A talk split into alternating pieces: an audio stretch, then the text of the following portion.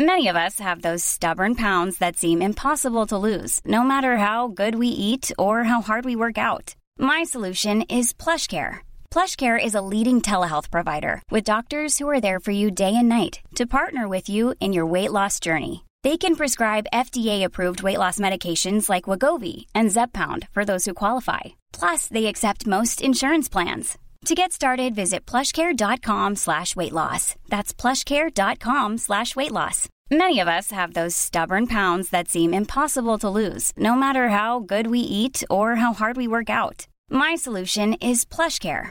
PlushCare is a leading telehealth provider with doctors who are there for you day and night to partner with you in your weight loss journey. They can prescribe FDA-approved weight loss medications like Wagovi and Zepbound for those who qualify. Plus, they accept most insurance plans. To get started, visit plushcare.com slash weight loss. That's plushcare.com slash weight loss.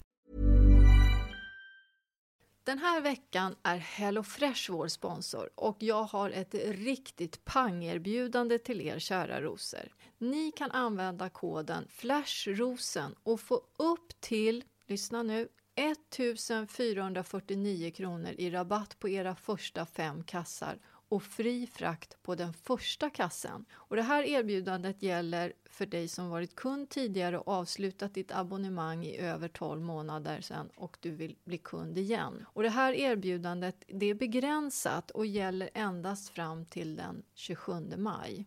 Och det är nu under våren som jag själv bokar deras matkassa regelbundet. För det är ju en hel del som ska fixas på vår och försommaren och jag orkar inte riktigt planera middagar och det tar verkligen emot att åka till butiken och storhandla. Det finns flera fördelar med HelloFresh, förutom att råvarorna är bra och maten är riktigt god. Det är enkelt att beställa ändra meny beroende på vad man är sugen på och att man inte köper på sig för mycket mat och håller nere svinnet. Jag och Polsvetsan är duktiga på att välja mycket grönt på tallriken men nu senaste tiden när vi jobbar så här fysiskt och tungt, då säger Johan att han vill ha mer proteinrik mat och då såg jag att HelloFresh har menyer som är rika på just protein. Så nästa vecka har jag valt stekt lax med potatis, broccoli och rucola-dressing och sen tog jag även sataykyckling med sojasås, ris och en krispig äppelslåssallad med rödkål, salladslök och honung och ingefärsdressing. Gå in på HelloFresh och använd koden FLASHROSEN i ett ord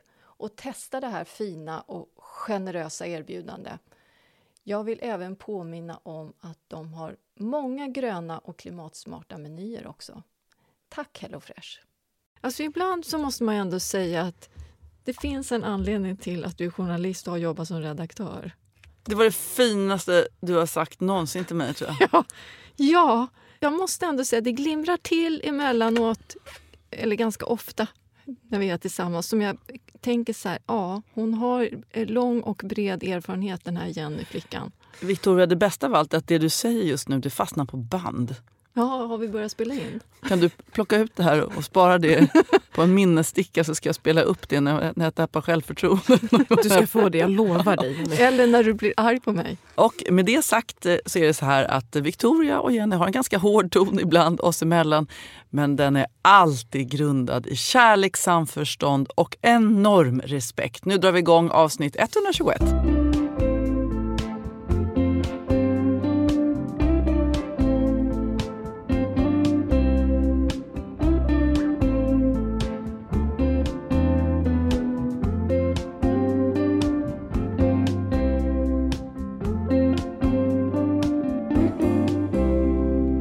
Välkomna till podden. Jag har fått tillbaka stora delar av min röst i alla fall. Är det du som har smittat mig? Eller jag tror kanske inte det heller. Nej, jag har ju varit, liksom, det är för länge. Jag var hes och eh, hostig. I, jag har ju varit i nästan fyra veckor.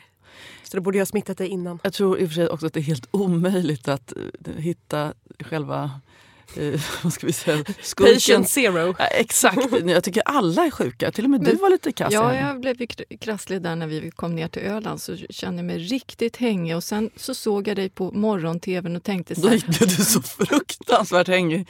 Du var tvungen att gå och dra något gammalt över. Nej, vet du vad jag tänkte då? Hon ser inte riktigt kry ut.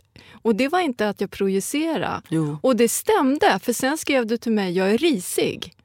Ja, jag tappar rösten. Men det är som min mamma sa när jag ringde henne sen. Ja, det är, där är vi likadana du och jag. Jag tappar också rösten när jag får ett virus. Ja.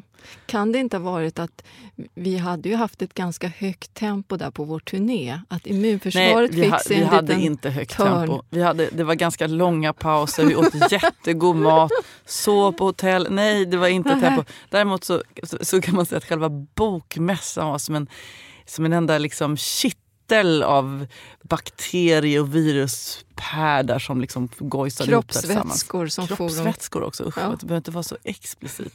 det var ju det. ja, men hur var det på Öland? Åh, det var fint. Du vet när man öppnar dörren, det är lite kylslaget. Det är mörkt, kolsvart var det när vi kom fram.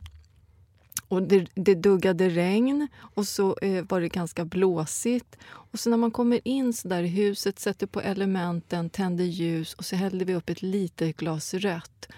Och jag tycker att det är mysigt. Och brasan sprakade. Nej, men vi har ju ingen kamin. Har du ingen kamin? Nej, jag har tagit kontakt med så många i närheten där och kan ni installera en kamin hos mig? Jag får inte ens ett svar. Katastrof. Jag vill verkligen installera. Efterlysning. Finns det någon skorstensmakare, kaminleverantör i Ölands eh, Kalmarområdet? Ja, det är inget avancerat. Jag vill bara, jag har en skorstenstock och någon, någon gammal sak som står där som jag vill byta ut. Men som sagt, det vart ju ingen, ingen nyponsoppa för jag, jag på riktigt kände mig eh, helt hängig där på lördagen. Så att jag eh, låg och tittade på film i soffan. Och då, Ellen, du tipsade ju om den här serien på SVT, I famnen på en mördare. Ah, just det, har du sett den? Åh, vilken bra! Jag låg och tänkte tack Ellen. Spoila inte, Nej, spoila jag, inte. inte. Jag bara säger i famnen på en mördare. Su suveränt bra. Oerhört bra. Är den, alltså, är den skräckisläskig? För det orkar Nej. inte jag med. Nej, Nej, det är den inte. Den är baserad på en verklig historia. Eh, om ett fall i England. Två Allting fall i är England. numera baserat på en verklig historia. I alla fall något litet hörn. Mm. Det är en människa i det. Det har funnits människor på jorden. Det är baserat på en verklig historia. Den är bra. Ja, Så bra. mycket kan vi säga. Vad roligt. Klicka in er på SVT Play. Jag jobbade Nyhetsmorgon och eh, alltså, jag, jag var inte sjuk när jag gick till jobbet. Jag tappade rösten och sen så liksom blev jag, jag kände mig lite hängig sen på Mm. dagen. Jag ville bara säga så att jag är inte en sån som går till jobbet och slickar på mina medarbetare så att de ska bli sjuka. Men du är inte så ofta sjuk och då, nu känner jag dig så pass väl så att jag kan se när någonting inte riktigt är som det ska. Vad fint, det blev jag glad ja, av. Jag såg att det var något som inte... Kommer du ihåg den där gången när du svimmade också i, i direktsändning? Då ringde jag till min mamma innan. Det är något med Jenny, hon mår inte riktigt bra. Gjorde du? jag. Det har inte Ja, du ja. sagt till mig. Jo, det har jag visst berättat för dig. Var du det här mediet som sen mejlade? det var du. Jag har Men- lyssnat på en podd, sa jag det förra veckan? Nej? Med en väldigt eh, en sån smarting som heter Joschka Bach, tror jag. Okej. Och eh, han är både fysiker, liksom psykolog, filosof slash, eh, och autist. Det är han öppen med själv också, att han befinner sig på spektrat. Ehm, Och ja, han spekulerar på ett, liksom, ett, ur en fysikers liksom, synvinkel, han håller på med AI och sånt också, Mm. att telepati kan finnas, alltså inte på något sånt där woho, övernaturligt sätt utan med bara att vi alla, och då drog han en liknelse med träden att all, och, naturen. Att det finns ju, det är ju mer vetenskapligt belagt hur man kommunicerar liksom, med varandra. Rotsystem och växter, liksom, träd i Ja, men det finns ju en Youtube-film som handlar om träd som talar med varandra. Det är, otro, det är hon, den här skådespelerskan som, som är moderator i den. Den här amerikanska. Det är väldigt intressant. Jag ska ta reda på... nu, nu där. Du vet hon som är den Ja. här amerikanska som är med i den här filmen. Ja, vad heter den? den kom, ja, ja, ja, hur som helst, ja, den får du googla upp. Jag, men då menar han att eh, det, det sannolika, alltså, eller det, han säger inte att det är möjligt för han är en vetenskapsperson, så en vetenskapsman. Han säger inte att det är så, för det är inte bevisat ännu, men att det också skulle finnas liksom mellanmänsklig då. Man lever väldigt nära någon, att det blir som en ett liksom biologiskt internet där vi kopplar upp oss mot varandra. Och eh, man, man föreställer någon, man är som en antenn som sticker upp och så kan man då plötsligt känna av om man lever nära sitt barn. Så det finns ju många sådana historier. När mitt barn råkade ut för en olycka så kände jag det i mig då. Och sådär. Eh, och återigen, det är inte sant i den bemärkelsen att någon har bevisat det men han resonerar kring det här. Liksom. Han, alltså, han är en kul person för att han går liksom in och vågar liksom titta på de här olika sakerna. Men det där vill jag Vad heter den där podden? Den kan du ta reda väl- på det? Ja, absolut. Den är väldigt... Alltså man måste typ, den är tre timmar lång. Eh, man, man måste stanna ibland för att man förstår inte allting för det är ganska på abstrakt nivå emellanåt. Så blir den väldigt praktisk. Den är på engelska. Då vet jag inte. Ja, men den heter, det är Lex Friedman podcast. Ehm, ja, och han heter Joschka Bach. Men som sagt, jag, jag, jag rekommenderar den kanske bara om man är extra, extra specialintresserad. Var det när du hade Lyckoprofessorn där? I Nej, studion? Nej, jag, jag lyssnar på, jag har ju hållit mitt i det där superformen-programmet. Jag måste ju gå så många långa promenader så då väljer jag jättelånga Ja, ja. poddar som jag ska lyssna på. Det är underhållande i alla fall. Ja, ja, hur som helst. Är, sådär, så att jag känner mig just nu i en period när jag är lite ödmjuk inför, inför världens konstruktion. Så det blev ingen nyponsoppa för mig heller. För jag, jag åkte ut och fixade massa på landet och drog upp eh, dagliga knölarna och tog in de sista blommorna och satte de sista lökarna. Eller Inte de sista lökarna, jag tänkte jag skulle hinna med lite mer faktiskt. Jag har tagit med lite eh, fyllda narcisser som Har du ska få utav mig. Ska Och den ligger kvar dem? i bilen för det vräkte ner regn så jag glömde bort dem för jag letade efter paraplyt. Men vi, du ska få det när vi är klara. En sån lycka. Men vi fick ju mycket respons på nyponsoppan. Ja, så jag samlade liksom ihop eh, lite nyponsoppa där då. Eh, Karin Starr, där min, jag försökte referera till min dagmammas gamla recept från 1978 i Norrviken i radhuset där. Ingrid eh, Barkman, hette hon det? Vad är det med namn? Vad är det? Nej, men vi Det här är måste, slu- vi måste ta reda på namnen innan vi börjar spela Jag vet- in. för det här blir ju Men Jag hade inte jättekonstigt. tänkt att jag skulle prata om min gamla dagmamma Det bara kom. Barkesjö. Ja, Ja, ja. Och Det vad vill fanns- du komma jo, med jag, vi fick kritik ifrån, ja, ja, men hon, fick- den här, hennes metod, jag försökte ju liksom komma ihåg hur hon gjorde när hon gjorde nyponsoppa. Ja. Men det, då fick vi liksom lite riktiga recept. Liselott Svensson till exempel. Så här gör man. Skär av flugan, alltså den lilla snoppen. Torka nyponen hela på låg värme i ugnen med ugnsluckan lite öppen. Sätt en kniv emellan. Torkade nypon kan förvaras i många år. Och så när man vill göra soppa så lägger man de här torkade nyponen i blöt några timmar. Så får de sjuda i vattnet tills det blir mörkt rött. Sila bort nyponen genom en silduk. Koka upp saften med socker och red med potatismjöl utrört i vatten. Vispad grädde och strimlad sötmandel till. Mums! Ja, vad gott! Och jag är så sugen på den här nyponsoppan nu så det inte är klokt. Ja. Nej, den här veckan, jag måste få till det. Isabelle Wigert i Jönköping har en annan idé. Hon köper sina nyponpulver på hälsokosten. Så kokar hon upp vatten, vispar i nyponpulver och banan. La voilà! Men vad intressant, för jag tänkte nämligen ställa frågan om det. För jag har en glasburk med nyponpulver som jag köpte för att det ska vara bra för lederna som jag skulle strössla på gröten. Men det har inte blivit av. Nej, exakt. Jag har också en gammal burk som säkrar utgången med gammalt nyponpulver. Men man, kan, man kan ju prova att göra på den i alla Ja. fall. För att smörja in oss i det annars. Och så Stefan Wisell. Nypon säger han, ni måste torka nypon i ugn. Det spelar ingen roll om ni äter eller inte. Det är doften man är ute efter. Det är den som sprider sig då den är lika god som att, som att bita en ängel i benet. Jaha, ska vi göra... Jaha. Ja, är det, är det där eländes med ung? Är det ett gängse uttryck? Eh, Jag har inte hört det förut. Nej. Stefan, vi är glada att du hörde av dig till oss, men det där sista... Inte för att vi är Mahatma Gandhi direkt, men eh, man, kanske, man kanske kan liksom slicka på den här ängen lite i samtycke istället för att bita den i På benet. benet. Ja, eller vad säger ni? Ja. Men det låter ju väldigt härligt med doften. Det måste bara det. Oj, oj, oj, jag känner mig sugen på att ut och skörda. Ja. Jag vill bara peta in att det kommer ett tema för den här sändningen som också har med trädgård att göra. Det handlar om träd och klimatsmarta träd. Vi ska intervjua en riktig doktor på det här som har farit runt hela världen för att hitta träd.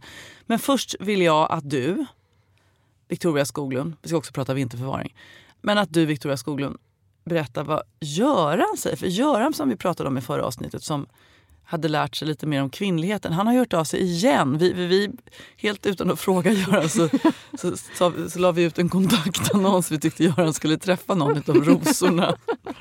Ja, men Göran var väl kanske inte riktigt he helt med. Så han har, han har skrivit på nytt till oss. Du behöver inte läsa hela Nej, men jag ska plocka ur lite här då. då. Fast vi är väldigt glada över att du skrev långt Göran. Vi tycker om att ha dig på tråden. Då skriver Göran så här. Hej igen, vad kul att ni läste upp mitt brev i podden. Jag hörde det halvvägs in på min dagliga promenad i lördags och höll på att gå i diket av skratt. Ja, jag är singel, men det var absolut inte en kontaktannons. Tänk på det, det kanske var jättehemskt av oss. Ja, varför tog vi det för givet? Känns ju sådär nu så här efteråt. Hur som helst så skriver han i alla fall att jag vill bara tacka för att ni håller mig sällskap under promenaderna. Det är väl så att han jobbar extremt mycket och vill inte utsätta någon ny partner för den här situationen. Alla kurvor pekar åt rätt håll.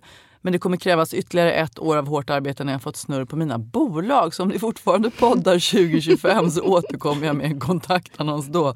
Deal? Frågetecken. Ja, det är en deal. Ja, min exhustru var helt ointresserad av trädgård och ifrågasatte alla investeringar där.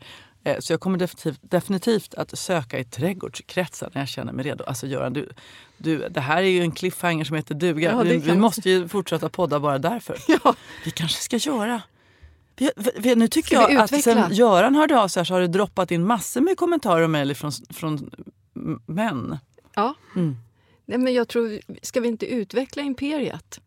Det finns ju många ben att stå på här känner jag En direkt. dejtingsajt för trädgårdsmänniskor. Ja, varför inte? Jo, men nu måste jag bara...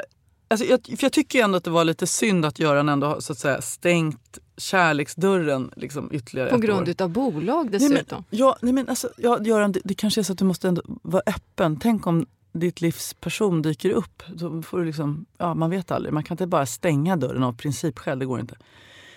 Men vi befinner oss i båda den åldern när vi har en del frånskilda väninnor. Superkvinnor. Verkligen Fantastiskt. De superkvinnor.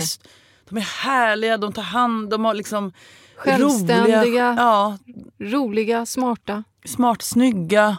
De eh, kan både leva livet och ta ansvar och vet hur man skapar liksom en, en trivsam vardag och fest på samma gång.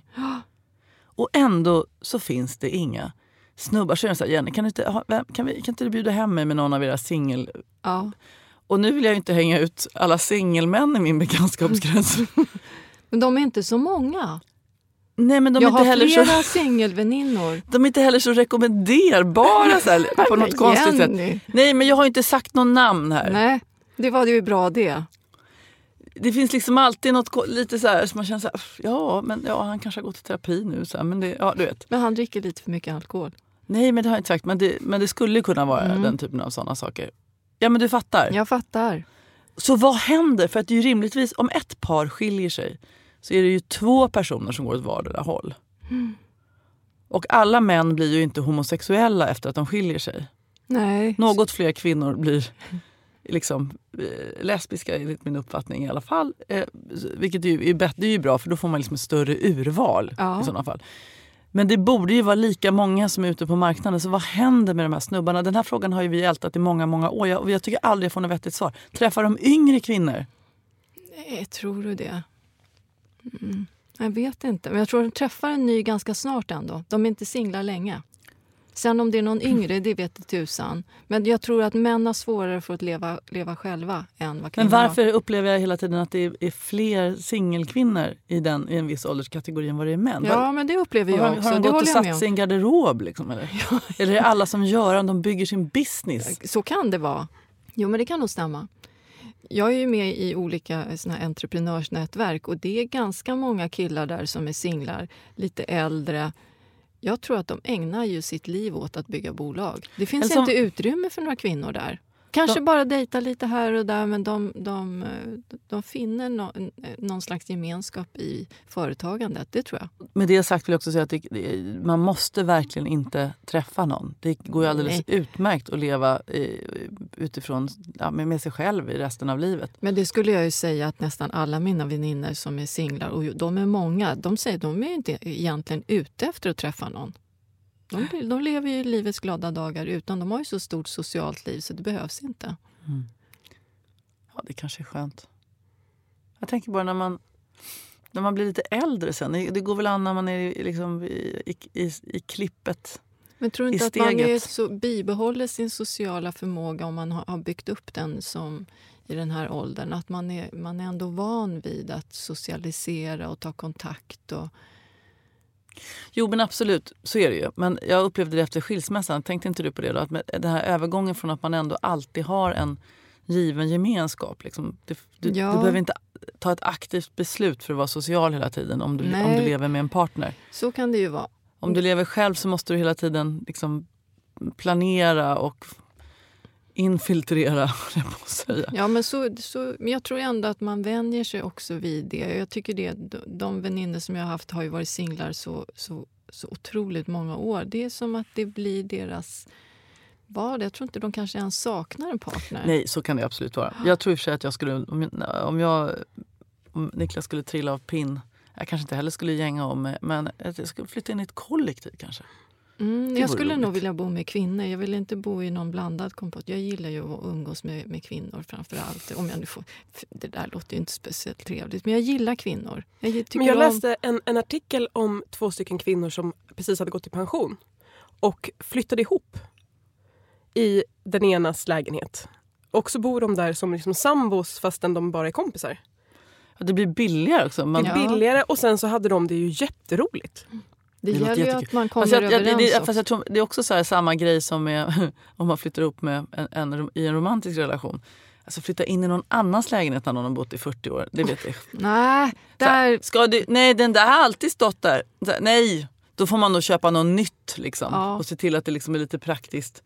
Man kanske också vill ha två stycken toaletter. Har två badrum, två, alltså, ja, precis, och ett litet mötesrum i mitten. Mm. Där Men man dricker portvin om Och två kvällarna och läser högt för varann.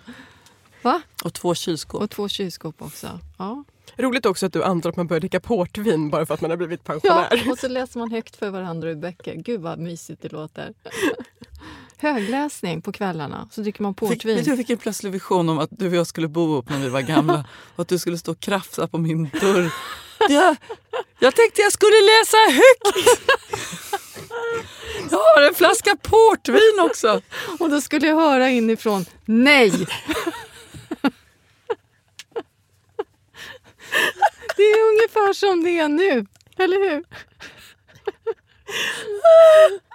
Gulligt att se Victoria stå Ja, där. med portvinsflaskan. Ja, och, en liten, och en liten bok under Ja, armen. Precis. Vi måste fortsätta, vi hann inte klart med kapitlet igår. Han bara smäller upp dörren och bara ja, ja. Läs fort, kan du läsa på dubbel hastighet så det tar slut snart. Att hon också inledde med att krångla med sina olika glasögon. Ja, det var jag mycket, mycket krångel med Ja, det. men då har jag nog opererat mig, tror ni inte det? Opererat ögon. I vårt eh, tantkollektiv, det kanske bor någon, du kanske också bor där, eller du, du är för ung. Det går inte. Men då... Du kan få, Ja, men hon kommer med så här, eh, olika eh, medicament till oss Jaha. eh, men jag varje tänker vi kan, fredag. ha, vi kan ha en skål med glasögon. Ja, det kan vi ha. det har jag idag. Vi har ett ämne eh, och jag tänkte att du faktiskt skulle få läsa ytterligare en, ett tittarmail innan vi kommer in på själva ämnet. För det anknyter. Rubriken lyder Apropå Göran. Alltså Göran, vi skrattar inte åt dig nu. Vi tycker bara att det är roligt att, att det är så många som har engagerat sig. Då eh, eh, eh, lyder det så här. Tre gånger har jag velat skriva, men fegat ur på vägen till mejlprogrammet. Har aldrig skrivit in till något liknande för att uttrycka min åsikt. Men efter Jennys verbala avrättning av Victorias scenskräck det var ingen avrättning. Nej, det var det verkligen inte. Och Görans fantastiska mejl fanns helt enkelt ingen ursäkt längre. Har lyssnat på podden sedan dag ett och älskat den lika länge. Är fortfarande sur att jag inte kunde ta mig till Göteborg under bokmässan. Ni har flera gånger pratat om att det är många kvinnor som lyssnar på er och att det är en överväldigande majoritet kvinnor i publiken. Är väl kanske inte så konstigt med tanke på hur rakt och öppet ni pratar om livet och allt vad det innebär. Men även om det är mest kvinnor som verkar lyssna så tycker jag definitivt att det är män som behöver lyssna. Tror det skulle vara fler än jag, Pol-Johan och Göran som med glädje skulle lära av er. Och då pratar jag inte bara om trädgård. Men jag har en fråga också. Behöver hjälp med att välja vilket träd jag ska gräva ner i gräsmattan.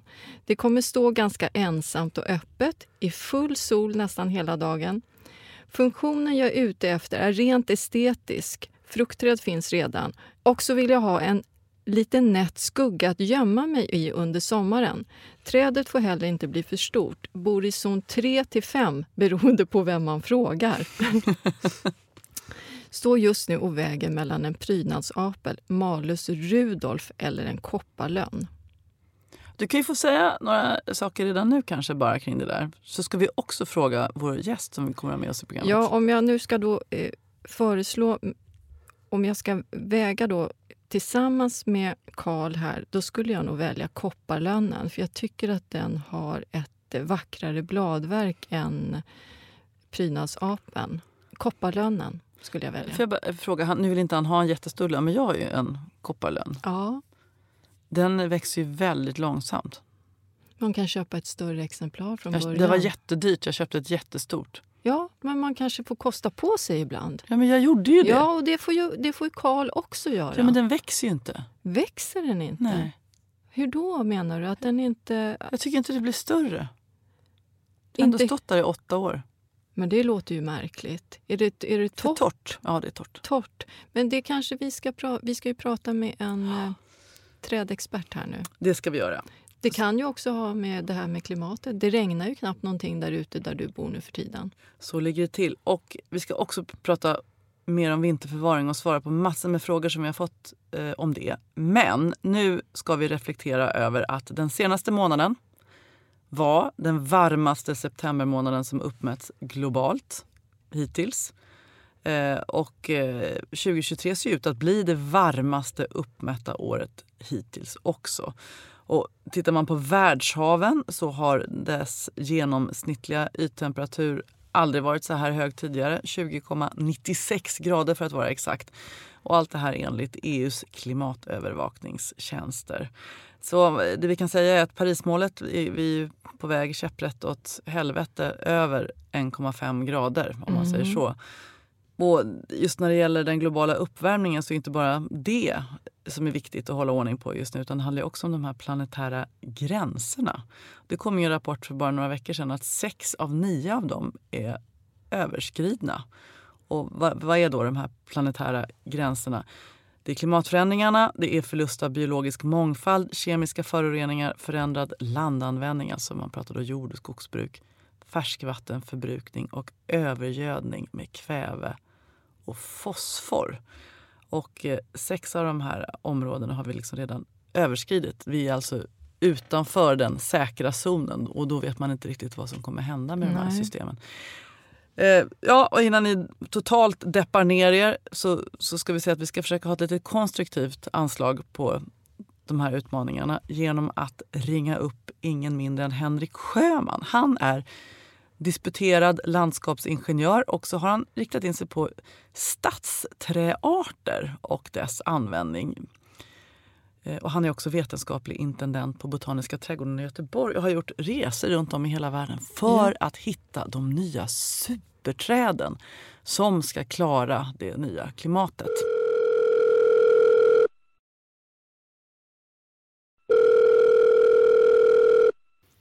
Då ska vi se om vi har med oss Henrik Sjöman som är landskapsingenjör och eh, dessutom vetenskaplig intendent vid Botaniska trädgården i Göteborg. Hallå?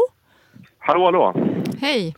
Hej! Allt bra med er? Ja, det får man lov att säga. Det vi är lite snörvliga och annat sådär. Men det här tycker Ja. vi är roligt. Ja, Du, vad kul att du har tid att vara med oss. Jag vet att du precis har haft din docentföreläsning och eh, i ämnen som är otroligt relevant och intressant måste jag säga. Men hur gick det? Jag tyckte det gick jättebra. Så det, man får se vad de andra tyckte. Det är docentnämnden. De ska ju tycka och tänka en massa. Så vi får se var det landar faktiskt. Och med, med enkelt uttryckt eh, med mer vardagsspråk, vad handlade din föreläsning om? Eh, Den handlar ju om den forskning jag har jobbat med de senaste 20 åren kring det här med att försöka öka träffsäkerheten när vi ska välja växter för olika typer av miljöer, ett nytt klimat samt växternas kapacitet att leverera olika typer av ekosystemtjänster. Så det, det är det fokuset jag hade och har i allt jag jobbar med nästan. Ja, för vi har också förstått att du har varit på resa runt om i världen egentligen för att hitta de nya superträden som ska klara klimatförändringar och extremväder. Va- Vart Ja. har, vart har de här resorna tagit dig? Eh, faktiskt runt hela världen. För att det vi gör är att vi försöker åka in i framtiden. Det vill säga att besöka regioner i världen som idag och haft under många, många hundratusen år ett klimat som påminner om det att vi kommer få i framtiden och framförallt kanske i innerstadsmiljöer. Och så åker vi till de platserna eh, och försöker förstå varför vissa växter är framgångsrika där, vad de har för kvaliteter, vad de har för kapaciteter och så vidare. Så att eh, Det är egentligen eh, ja, Östeuropa, Asien, Nordamerika har vi varit. Mm. Ja, vi ska prata mycket mer om det, men om vi, om vi backar bandet bara. Så här, vad, vad är det för liksom, klimat? Hur ser det här ut som du nu försöker förbereda växtligheten inför? Ja, men vi har ju redan nu redan, eh, vi ser att vi har en längre vegetationssäsong. Vi har i urbana miljöer så startar våren kanske två veckor tidigare, kanske avslutas två veckor senare än den gjorde för, ja, för bara 15 år sedan. Och det här gör ju liksom att vi får en väx, längre växt. Vi får en högre värmesumma. Så många av våra, de här skiftningarna, de här förändringarna sker så snabbt så våra inhemska, det genetiska material hinner inte med att anpassa sig, blir stressade och åker på sjukdomar, blir försvagade, reagerar stressat. Medan det finns andra typer av kanske samma art men också andra arter som till och med gynnas av det här nya klimatet som vi har. Där vi får en högre värmesumma, vi kan eh, få såna här riktiga värmeböljor och det, vet, det här nyckfulla klimatet som vi upplever nu. Det är, de som, det, det, det är det vi försöker hitta växter som är, kan hantera det och till och med tycker att det är okej. Okay. Jag driver ju en handelsträdgård och vi får ju jättemycket frågor om... Många vill odla i kruka. Mm. Och då handlar det väldigt mycket om det här med hur ska de övervintra. Och det jag upplever är, har förändrats lite det är att växterna inte riktigt hinner avmogna innan det blir riktigt kallt. Och att, man, och att man då behöver kanske ge andra typer av råd kring övervintring av växter. Ja, för det handlar ibland rätt mycket om vilka signaler. Alltså när vi får så här nyckfulla höstar som vi får nu med ett molnigt med väldigt milt klimat så får de inte ljuset och temperaturskillnaden i tid för att kunna mogna av och göra sig redo. Tittar man på träd och buskar, framförallt träd, så behöver de, de, de kan ha en avmognadsperiod som håller på i åtta veckor. Så får de inte signalen redan i september, då är det för sent för dem och då får de skadorna längre fram där. Så det handlar ju om att försöka kanske hitta växter och ett genetiskt material som i det här lite förändrade klimatet ändå får de här signalerna att kunna mogna av och göra sig redo inför vintern. Så det, det, är ett sätt. Vilka arter är det som är mest utsatta av de här som vi har vant oss att se i Sverige? Om vi då tittar på träd till exempel. Mm. Eh, alltså vi har ju det, så björkar och en del lönnar och och till och med ekar som, som man ser efter såna här somrar som 2018 tog väldigt, väldigt mycket stryk och till och med skadades och eh, till och med stora vackra hundraåriga ekar bara gick och dog eh, på grund av sån här extremsommar där. Men sen är, finns det ju andra grejer som är viktigt att tänka på också, att vi har sjukdomar och skadeangrepp som det är inte om utan mer när de kommer till vår eh, skandinaviska del av världen. Ja, vi har ju sett väl... granbarkborren finns ju redan. Ja, vi har haft almsjukan och askskottsjukan och så vidare. Så det är mycket sånt som spelar roll också, att vi måste eh, bredda eh, katalogen av användbara träd för att det finns eh, många av våra inhemska träd kanske inte har den ljusaste av framtid, tyvärr faktiskt. Det kanske vi måste gilla läget och börja se över vilka andra som kan ta vid. Men ja, om man nu ska bli lite dramatiskt här, kommer vi att liksom, om, om vi har ett hundraårs, det var lite väl långt kanske, om vi, om vi har ett 30-årsperspektiv kommer vi inte ha björk i Mellansverige längre. Ek, kommer vi inte Ek. ha det heller? Ja, alltså det är grejen att vi till exempel om vi skulle få upp, eh, få ett stort utbrott i Mälardalen av asiatisk långhorning som är en, en bagge från Asien som åker snålskjuts i träemballage när vi köper andra produkter från Asien till exempel. Skulle vi få ett sånt jätteutbrott som jag såg i östra Nordamerika på 90-talet i Mälardalen ja, då skulle vi tappa all lönn till exempel. Både navellönnen men också skogslönnen överallt. För det är liksom smörgåstårta verkligen för de här baggarna. De älskar det. De kommer gå förbi, gå genom eld för att komma åt lönnarna. Så det, det kan bli en sån grej. Det kan gå rätt så fort på det. Men det där med hundraårsperspektiv, det är inte så kort när vi kommer till träd. Så att de perspektiven måste vi kunna ha. Att vi tänker på träd som ska kunna vara på platser och i miljöer över 70-80 kanske in på tresiffrigt. Finns det någon chans att våra inhemska arter anpassar sig till det nya klimatet, att de hinner det? Eh, jag vet inte, om man ska vara riktigt ärlig.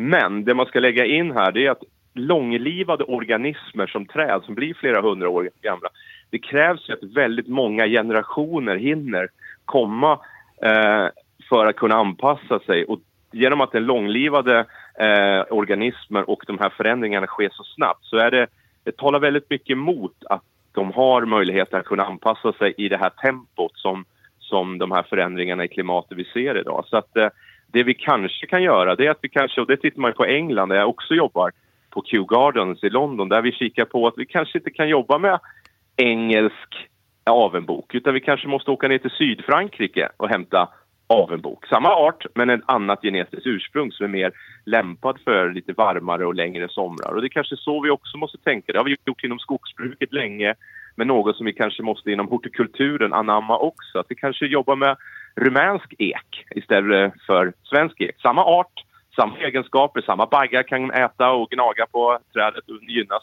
Men det är ett mer värmetåligt och värmegynnat och torktåligt genetiskt material. Så det är lite så jag tror att vi måste tänka också på när det gäller vår inhemska eh, flora. Du, du, du, har ju varit på en del eh, strapatser för att försöka hitta de här arterna och, och, och sorterna. Eh, kan du berätta om, om den, någon av dem? Alltså det är ju, det är, många av de här resorna så är det ju inte charterdestinationer utan det är väldigt knasiga platser man, man ska till. Och det är, den, den, den roligaste, men också lite, så här, lite jobbig, det är ju den när vi var till östra Ryssland, alltså Kurilerna. Det vill säga de här vulkaniska öarna norr om Japan som vandrar sig upp mot Manchuriet där. Och där måste man ju först åka båt i 36 timmar, vilket är fruktansvärd upplevelse. En rysk rostig båt som guppar de enorma vågorna. Och sen när man väl kommer fram, vilket, då har man kommit, när man väl, jag kommer ihåg när vi, jag och en britta tillsammans med kollegor från Vladivostoks botaniska. Så när vi kom i land där så lovade vi oss själva att det är här vi kommer bo. Vi kommer aldrig ta båten tillbaka än, det finns inte på kartan liksom. Och då hade de liksom eh, lovat att vi något hotell där. Då var det en, du vet en sån här skepparcontainer, eh, eh, container, en stor container som man skeppar varor i på stora fartyg. Ett sånt fick vi bo i. Det var vårt hem då i tio dagar. Och sen eh, när vi går de där skogarna, finns, det är så total vildmark, det finns knappt några vägar, så man går liksom i bambu som går upp till bröstkorgen. Så man, det, är, det är som går upp, vet du det, pulsa i snö, så man, blir, man är helt färdig. Så de enklaste vandringarna att gå när man gick där, det var att gå i bäckar. Så slapp man stå och, eh, i bambun där. Men hittade och, du någonting väsentligt på just den här exkursionen ja, då? För här skulle vi liksom titta på de eh, absolut nordligaste typerna av magnolia, obovata och eh, en del ekar och så vidare som växer i Japan men har så en absolut nordligaste position på de här öarna. Så det var själva målet där och det gjorde vi. Vi hittade jätteintressanta grejer där. Tar ni mer material från de här resorna hem då? Mm. Just den här resan, i sig, det var det mer att vi skulle åka och dokumentera. Men vi har precis kommit hem från en resa i Rumänien där vi har med oss massvis med frö på olika arter. Men oftast är det att vi har gjort studier, vi har varit i naturen, vi har vandrat massor upp och ner och in och ut tills vi har liksom skapat oss en vettig överblick vilka arter som är intressantast och lämpligast att plocka hem och vilka provenienser och ekotyper och så vidare. Och då samlar vi frön.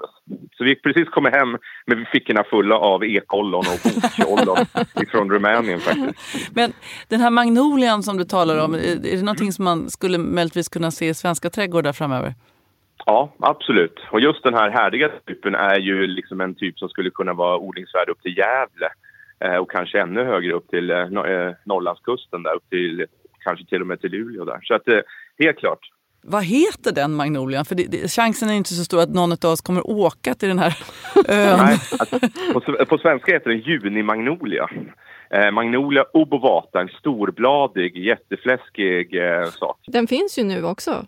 Den finns, men det som är problemet med mycket av här växter är att vi vet ju inte vilket genetiskt ursprung. Och där vi kanske måste ha den nordligaste typen som är både tuff mot varma somrar med riktigt kalla vintrar Medan det material som finns idag, det är lite så här, ja jag hoppas att det är en bra typ för svenska förhållanden. Och mm. ibland så planteras den, den tvärdör, ibland så klarar den sig, då hade man tur. När ni eh, tar hem de här växterna, eh, då undrar jag, hur går det till när ni, ni, ni måste ju stresstesta dem på något vis då, så att se att de, att de håller. Hur går det till? Ja, det beror på olika stresstester. Det är klimatet som vi är intresserade av. Då planterar vi ut dem till exempel i arboretet här i Botaniska trädgården där de får stå under många år och bara se hur de funkar med vårt nyckfulla nya klimat. Okay. Men vill man, vill man eh, testa dem för till exempel torkstress eller förmågan att klara översvämningar, ja men då gör man ju riktade stresstest som är plågsamma växtförsök där vi pushar dem i olika riktningar för att se hur de, eh, hur de svarar på de här olika typerna av stresspåslagen. Men samtidigt så mäter man också hur de återhämtar sig. För det är också riktigt viktigt att se, inte bara att de kan hålla käften och bita ihop, utan också hur de kan återhämta sig och komma tillbaka och köra på som vanligt igen. Jag företräder ju en avdelning av VRIS, alltså växternas rätt i samhället. Vet, har, har de någon eh, filial hos er eller? har nej, de nej, tyvärr. De är, de är, det är klart. Nej, men det, det, är, det, det beror på hur man ser på växterna. Men det, det är det är stresstest där vi ibland, vi, vi, kanske inte trycker dem till dödens eh, väggar, men eh, vi pushar dem rätt så hårt för att i framtiden så vi, kan vi inte bara säga att du är torktålig, utan vi måste veta hur torktålig. Och vi måste också veta vad det är som gör att du är torktålig eller torkkänslig. För vi måste öka träffsäkerheten kring växtval i alltifrån våra trädgårdar till urbana miljöer, publika miljöer. Det, det, viktigaste är ju att vi, vi ska försöka öka träffsäkerheten till ett genetiskt material så att det inte blir, när man köper växter i en handelsträdgård, att det ska bli ett lotteri. Att Nej. man inte vet vilket ursprung materialet har, vad, eh, vilken möjlighet de har för ett eh, Mälardalsregion eller södra Sverige. Utan vi måste öka träffsäkerheten och just att veta om vilket ursprung materialet som jag har i min handelsträdgård som jag sen ska sälja till, till privatkunden, den, den, den måste vi liksom öka, den träffsäkerheten. Det. För det är alldeles för mycket växter som vi planterar som egentligen inte har en framtid just för att vi har ingen kunskap om vad de har för för bakgrund så att säga. Du, det här är så spännande och intressant. Men nu måste jag fråga dig. Om du, vi är ju mitt i effekterna av klimatförändringarna och det kommer bara bli mm. mer mer påtagligt. Om du skulle anlägga en ny trädgård själv idag med några mm. träd och perennrabatter. Vad skulle du sätta för någonting? Vi säger du befinner dig i Mellansverige. Vad ska vi säga Victoria? Zon? Vi säger zon 3. Ja. Uh, ja, men det, är så här, jag, jag är så där, jag måste ju veta vad, vad är det för typ av trädgård vi ska ha? Vad är det för typ av användning av trädgården? Det är där jag vill börja. Så är det en grillplats eh, där vi ska kunna grillas och träffa och umgås året runt. Jag är en sån här, jag gillar att grilla året runt. Då är det kanske ett Kentucky-kaffeträd eller kanske en glidizia som eh, funkar uppe i zon 3 där som har ett glest grenverk vintertid som gör att mycket solljus kommer igenom trädkronan och inte kastar en kall skugga vintertid vilket gör att det är skönt att stå en solig februaridag och stå och grilla en karré. Men sen på sommaren liksom, så har de kanske ett sent bladutspring på våren vilket gör att jag kan få njuta av den här varma sköna värmen som kommer på våren och försommaren. Och sen har de ett sent bladutspring men när väl bladutspringet kommer så ger de en välbehaglig skugga under den perioden när jag vill ha skuggan. Och ett så väldigt vackert bladverk. Ja. Och i perennrabatten då, vad skulle du ha där? Oj, men det här är ju farligt för att jag, jag är, nu blottar jag mig, jag är väldigt svag för pioner liksom. Så att jag skulle köra pioner och näver med en marktäckare, alltså pionerna, för de tycker jag det är där jag går igång på när det kommer till örterna där. Men, skulle, men pioner, du tycker, de kommer också hålla i framtiden? Jag tänker att det blir varmare, då blir det väldigt kort blomning. Ja, så där är ju liksom, sätter de kanske i det här glesa eh, skuggan som en glidizia ger faktiskt. Så det, på så sätt skulle man kunna förlänga blomningen. Men det här med värmen är ju någonting som är positivt faktiskt när det kommer till växter och ett förändrat klimat. Det är ju torkan som är det jobbiga. Men just värmen är det många, vi kommer se en utväxling. Vi ser här i Botaniska trädgården där växter står på bra mark där de får bra med fukt och sen kommer värmen så får man se höstfärger, man ser en blomning, man ser ett uttryck som man kanske inte har sett tidigare i svenska förhållanden. Så att det här med värmen kan vara någonting ur ett trädgårdsperspektiv, någonting positivt för växterna och dess eh, utveckling faktiskt. Du, eh, det här är verkligt intressant på så många sätt. Det är, grunden är ju väldigt dyster, men kan du ge oss något positivt sådär, bara medskick i alla fall på slutet? Det, finns det möjligheter att fortsätta ha en trädgård även framöver? Ja, ja, ja. Jag tror att tvärtom att trädgården kommer att bli ännu viktigare i framtida klimat där vi kan finna svalka, vi kan lösa väldigt svåra frågor i trädgården. Vi kan jobba med översvämningar, vi kan jobba med dagvatten i våra trädgårdar, vi kan jobba med biodiversitet i våra trädgårdar. Vi kan plantera så det blir en sval skön plats att gå ut i under sommartid. Vi kan jobba med eh, luftföroreningar med i våra trädgårdar. Alltså, våra trädgårdar kommer bli ännu mer viktigare i ett framtida klimat det Eh, kanske kommer att det- vara så att det finns skyltar i handelsträdgården där det står istället för att det står torktål så kanske det står de här tål översvämning. Det har, Ja, absolut. Så att jag tror att vi, vi, det kommer i plantskolekataloger eller handelsträdgårdskataloger stå inte bara höjd, storlek, blomfärg utan också användningspotential och också vad de kan leverera för typer av funktioner. Där det. tror jag att vi kommer se en stor framtid. Så att jag, jag är positiv. Jag tror att våra trädgårdar kommer vara mer behövda än någonsin och mer populära än någonsin i ett framtida klimat. Absolut. Åh, tack så hemskt mycket för det och för att du var med oss eh, den här morgonen höll jag på att säga. Jag jobbar ju inte på Nyhetsmorgon just nu så att jag får säga Nej. för att du var med i vår podd, Röda vita Ja. rosen-podden. Eh, och lycka till med det fortsatta forskningsarbetet. Det känns viktigt det ni håller på med. Ja, visst, det är bara, om ni pratar träd så hör av er bara. Det är inga problem. Tack. Tack snälla Tack du. ha. Tack snälla. Det där tyckte jag var väldigt intressant. Jag hade kunnat prata med honom hur länge som Ja, helst. jag med. Det kändes som att sluta inte, vi vill höra mer. Jag tror att det här får bli ett extra långt avsnitt och så tycker ni det är långtråkigt får ni bara spola framåt. Ja, Ja. så gör vi. Så gör vi. Nu har vi fått en massa frågor och många handlar om, om vinterförvaring. Bland annat så skriver Helen i Mellbystrand, zon 1-2. Jag undrar om jag kan vinterförvara min höstsilverax som jag planterade i kruka i somras ute eller måste jag ta in den? Nej, den är ju superhärdig. Den kan stå kvar ute och jag skulle säga att du behöver inte ens lyfta in den under tak. För min står, jag har flera olika ställen jag har den på i kruka. I vintras så, så gjorde jag ett stresstest på min höstsilverax. Den fick stå kvar i kopparbaljan utanför växthuset. Och där låg det som en stor isklump ovanför hela plantan i stort sett hela vintern. Det regnade ner. Jag tror inte jag har riktigt gjort en bra dränering i den där. Och ta mig tusan, den kom upp lika fint i våras. Så höstsilverax är en utmärkt perenn att ha i kruka. Behöver Bra. inte gräva ner den. Det är skönt av dem som man slipper hålla på och släppa runt krukorna. Kristina Mellberg bor i Karlstad, zon 3. Hejsan på er! Jag har en sån fin stjärnöga som jag har haft i en stor utekruka nu i sommar. Krukan är cirka 50 cm i diameter. Den står kvar även nu idag, 4 oktober, med massor av blommor och knoppar. Det är så fin, mörk, djuplila färg och den har vuxit väldigt mycket under sommaren.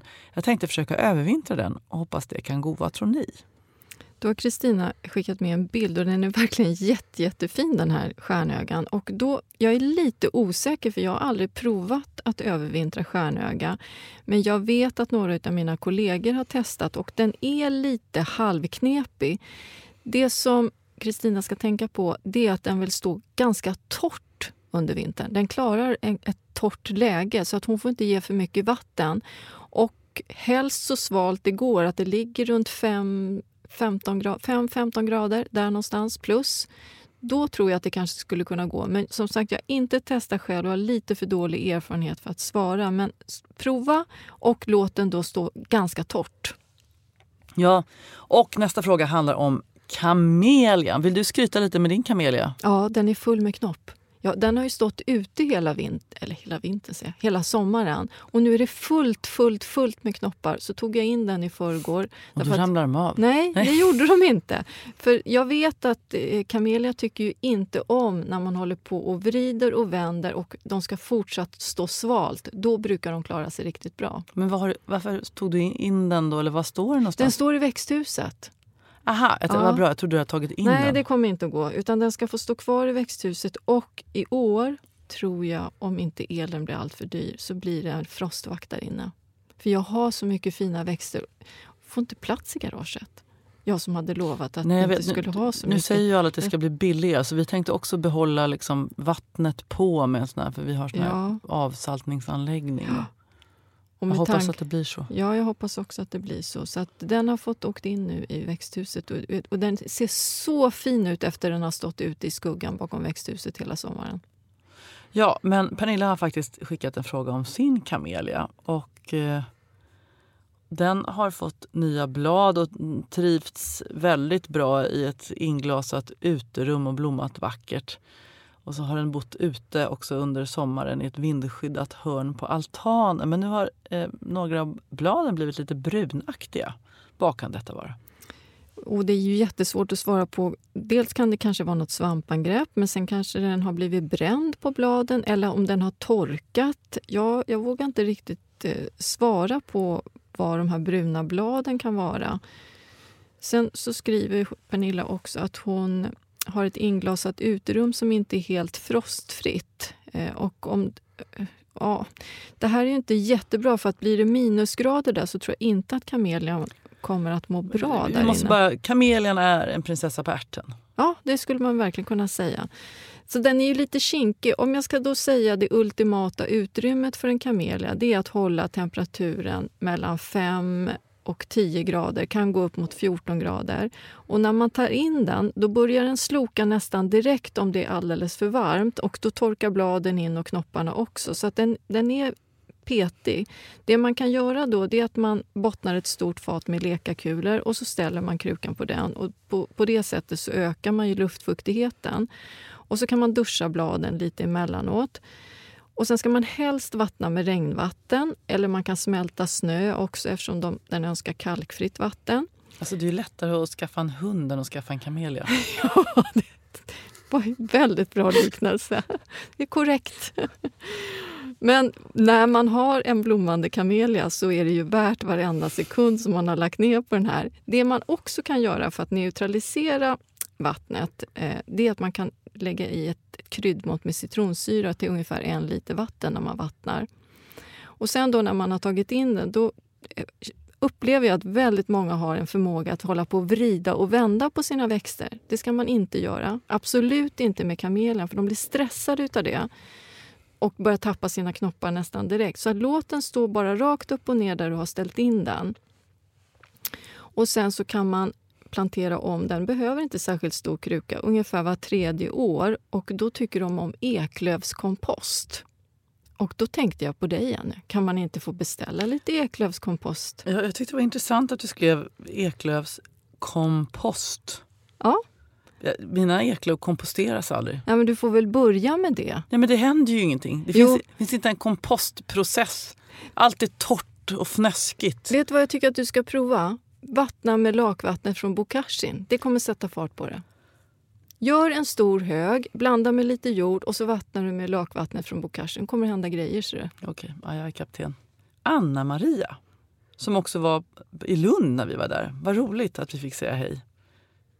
Tack för att du lämnar ut er så pass att det känns som att man är kompis med... Usch, vad har vi sagt Ja, jag egentligen? vet inte. Jag brukar lyssna när jag grejar i trädgården och går där och skrattar högt för mig själv. Fråga. Jag har en bägarranka som jag har fått av en vän och som jag nu övervintrat i ett par år. Kruxet är att den aldrig blommar trots omplantering och näring. I sommar har den stått på farstubron och klättrat i trådar som jag band längs med stolpen. Den växte sig lång ända upp till snickarglädjen men fick inga blommor. Nu har jag kläppt ner den och tagit in den igen och får hoppas på nästa sommar. Några tips? Ja, då är det så här, för att den här, det har kommit flera frågor om bägaranka som inte vill blomma. Och då är finns det några trick som man kan göra. Det är att den vill ha riktigt ljust och soligt under sommaren, gärna stå ute. För att den ska då orka producera många knoppar. Eh, och sen så är rätt gödning ganska viktigt när det gäller bägarankan. Och den tycker om fosfor. Så då kan man ge en fosforrik näring ungefär varannan, var tredje vecka under växtsäsongen. Och då skulle jag säga att växtsäsongen är från april till augusti, juli-augusti. Och benmjöl till exempel innehåller mycket fosfor för det befrämjar då eh, knoppbildning inför nästa år. Och sen vet jag att kaffesump också innehåller fosfor. Då funderar jag, man kanske, att kanske skulle strö lite eh, kaffesump på Aha. toppen av jordytan i krukan. Testa det. Så benmjöl och kaffesump och ge den här näringen då varannan, var tredje vecka under växtsäsongen. Då kanske det händer grejer. Jag tycker det är så jobbigt här med vinterförvaring. Jag har ställt, hela vårt gästhus på landet är bara fullt med krukor. Jag vet. Ingen, kan ju, ingen gäst får plats där. Nej. Jag vet. Känner igen det. Ingen bil får plats i vårt garage heller. Ja, Liselott Grant i Ystad har också skickat bilder på två krukor med asiatisk månfröranka. Varav den ena eh, lilla plantan är mycket, har tagit sig mycket bättre än den andra. De köptes samtidigt och så vidare. Vad är det som gör, Victoria, att det blir så här? Det här kan ju vara flera orsaker. Dels kan det vara så att den hade ett mindre rotsystem, då, den ena. Det är därför den inte riktigt har bildat nya rötter och kommit igång. Sen kan det också bero på rotsnurr, att man ibland får titta så att de inte har snurrat sig. Det har vi pratat om tidigare. Då får man klippa upp det lite försiktigt med en, en sax. Så att man, hur, hur ser rotsnurr ja, ut? det ser ut som en kompakt kaka i botten och så är det som som snurr helt enkelt. Ja, jag kan inte förklara det på något bättre sätt. Det var en jättedålig förklaring känner jag också. Titta i alla fall, ser det liksom riktigt kompakt ut och de har inte några rötter letat sig ut från den här kakan, då är det ett rotsnurr. Jag tror att den här vi har fått en bild på de asiatiska månfrurankarna. Jag tror att den här kommer att komma igång nästa säsong. Hon behöver egentligen inte göra någonting mer nu utan den kommer att repa sig och bilda nya sugrötter så att den kommer att ta sig upp på spaljen. Vad bra. Du, eh, det är lite att stå i trädgården fortfarande. Eh, jag har varit lite snabb kanske, men jag petade ner lite vitlökar. Har du gjort det redan? Ja. Nej, men vi pratade om det där. Du ska inte sätta för tid. Du börjar de växa och så blir det kallt. Så... Men de gjorde det förra året och det gick bra. Gjorde det? Okej. Okay. Ja. Men jag skulle i alla fall vänta lite. Det är så pass milt ute. Sen vill så... jag hålla djävulen borta också. ja, det är därför. Har du Satan på besök? Ständigt närvarande. Nej, men bor man längre upp, i zon 4, zon 5, då kan man börja sätta vitlök. Men här, eh, zon 3 och neråt, tycker jag man ska vänta lite. Någonting som jag tyckte var, som jag eh, gjorde nu när vi var på Öland, då använde jag, jag hade med mig massor med krokuslökar och porslinshyacinter och skilla. Då tog jag grep, förut har jag ju alltid använt spaden och grävt upp en stor svål. Nej. Är, det inte, är inte det ett ganska jobbigt ord? Svål? Ja, det är, är inte mysigt. Nej, det, svålen. svålen! Det är nästan som Victorias värsta ord. Ja. ja men det, vi pratar inte. Det, vi som pratar inte, som, inte om som det. inte är vårt värsta ord. Nej, nej.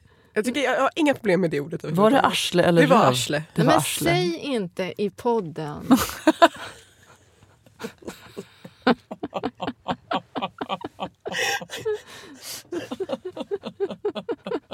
det är hemskt. Hemskt ord.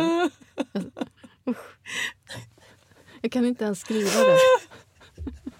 Nej men säg inte i podden! Nej, för mig är det ungefär som att så här, men säg inte blåsippa. Alltså, det är liksom lite, jag, jag kan inte riktigt inte jag förstå det. Ja, det är fruktansvärt jag, ord. Å, å andra sidan helt råbarkad. Jag har, jag har sett och läst för mycket i mitt liv. Kan vi gå tillbaka till mitt tips om att använda grepen ja, ja, ja, istället eh, när man sätter skillakrokus? Alltså de här smålökarna, sticker man ner och bara poff, rakt ner så blir det små hål med grepen. Varför har jag inte tänkt på det? Så du sticker ner den, vickar lite och ja. i vicket så liksom, medan du nästan har grepen kvar i jorden så Exakt. petar du ner den. Mm. Så smidigt. Jag fick ju ner hur många som helst istället för jag har ju så svår mark där. Det är ju så kompakt. Jag får ju knappt upp jord. Det var en utmärkt idé. Jag köpte nämligen en, min, mitt livs första grep eftersom jag ska ta upp dahliaknölar. Ja. Och det var ju ett utomordentligt tips från en trädgårdsmästare jag känner som heter VS. Ja, precis. Mm. Så, där har ni. Bästa tipset. Sen kändes det också som en bra försvarsredskap att ha hemma. Ja, det, det känns också. också. lite som en treudd fast den hade fyra. Man... med, med tanke på att du har djävulen på besök. Ja, ja.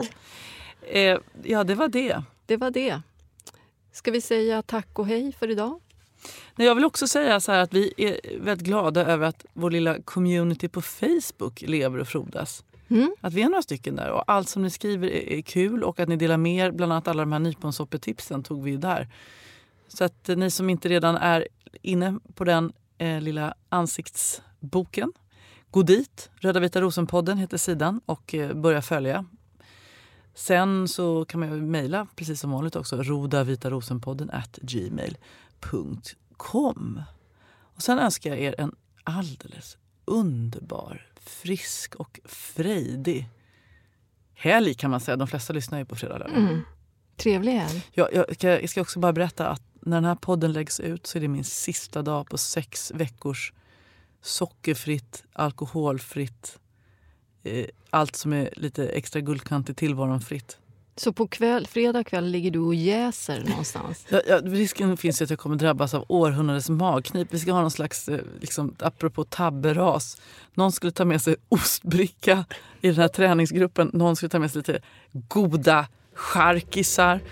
Och eh, min kompis Rosanna skulle ta med sin prinsesstårta Vilken härlig mix! Det är så konstigt. Får man vara med kanske fast man inte har deltagit i det här? liksom så. Eller så drabbas man bara av jag vet inte. Ja, så att, eh, vi får se hur det går. Jag kommer, man får se på lördagmorgonen i Nyhetsmorgon om jag, jag kanske har Du är lite sprängt alla gränser. Sockerstinn i ögonen. Jag säger lycka till. Ja, tack för att ni var med oss även denna gång. Kram! Hej då! Hej då!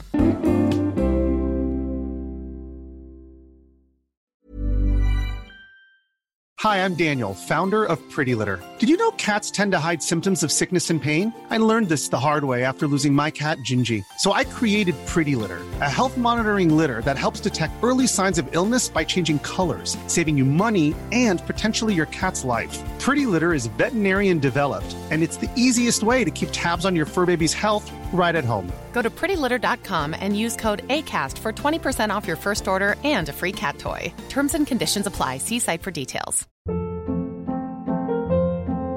Hold up. What was that? Boring. No flavor. That was as bad as those leftovers you ate all week. Kiki Palmer here, and it's time to say hello to something fresh and guilt-free. Hello Fresh. Jazz up dinner with pecan-crusted chicken or garlic butter shrimp scampi. Now that's music to my mouth. Hello Fresh. Let's get this dinner party started. Discover all the delicious possibilities at hellofresh.com.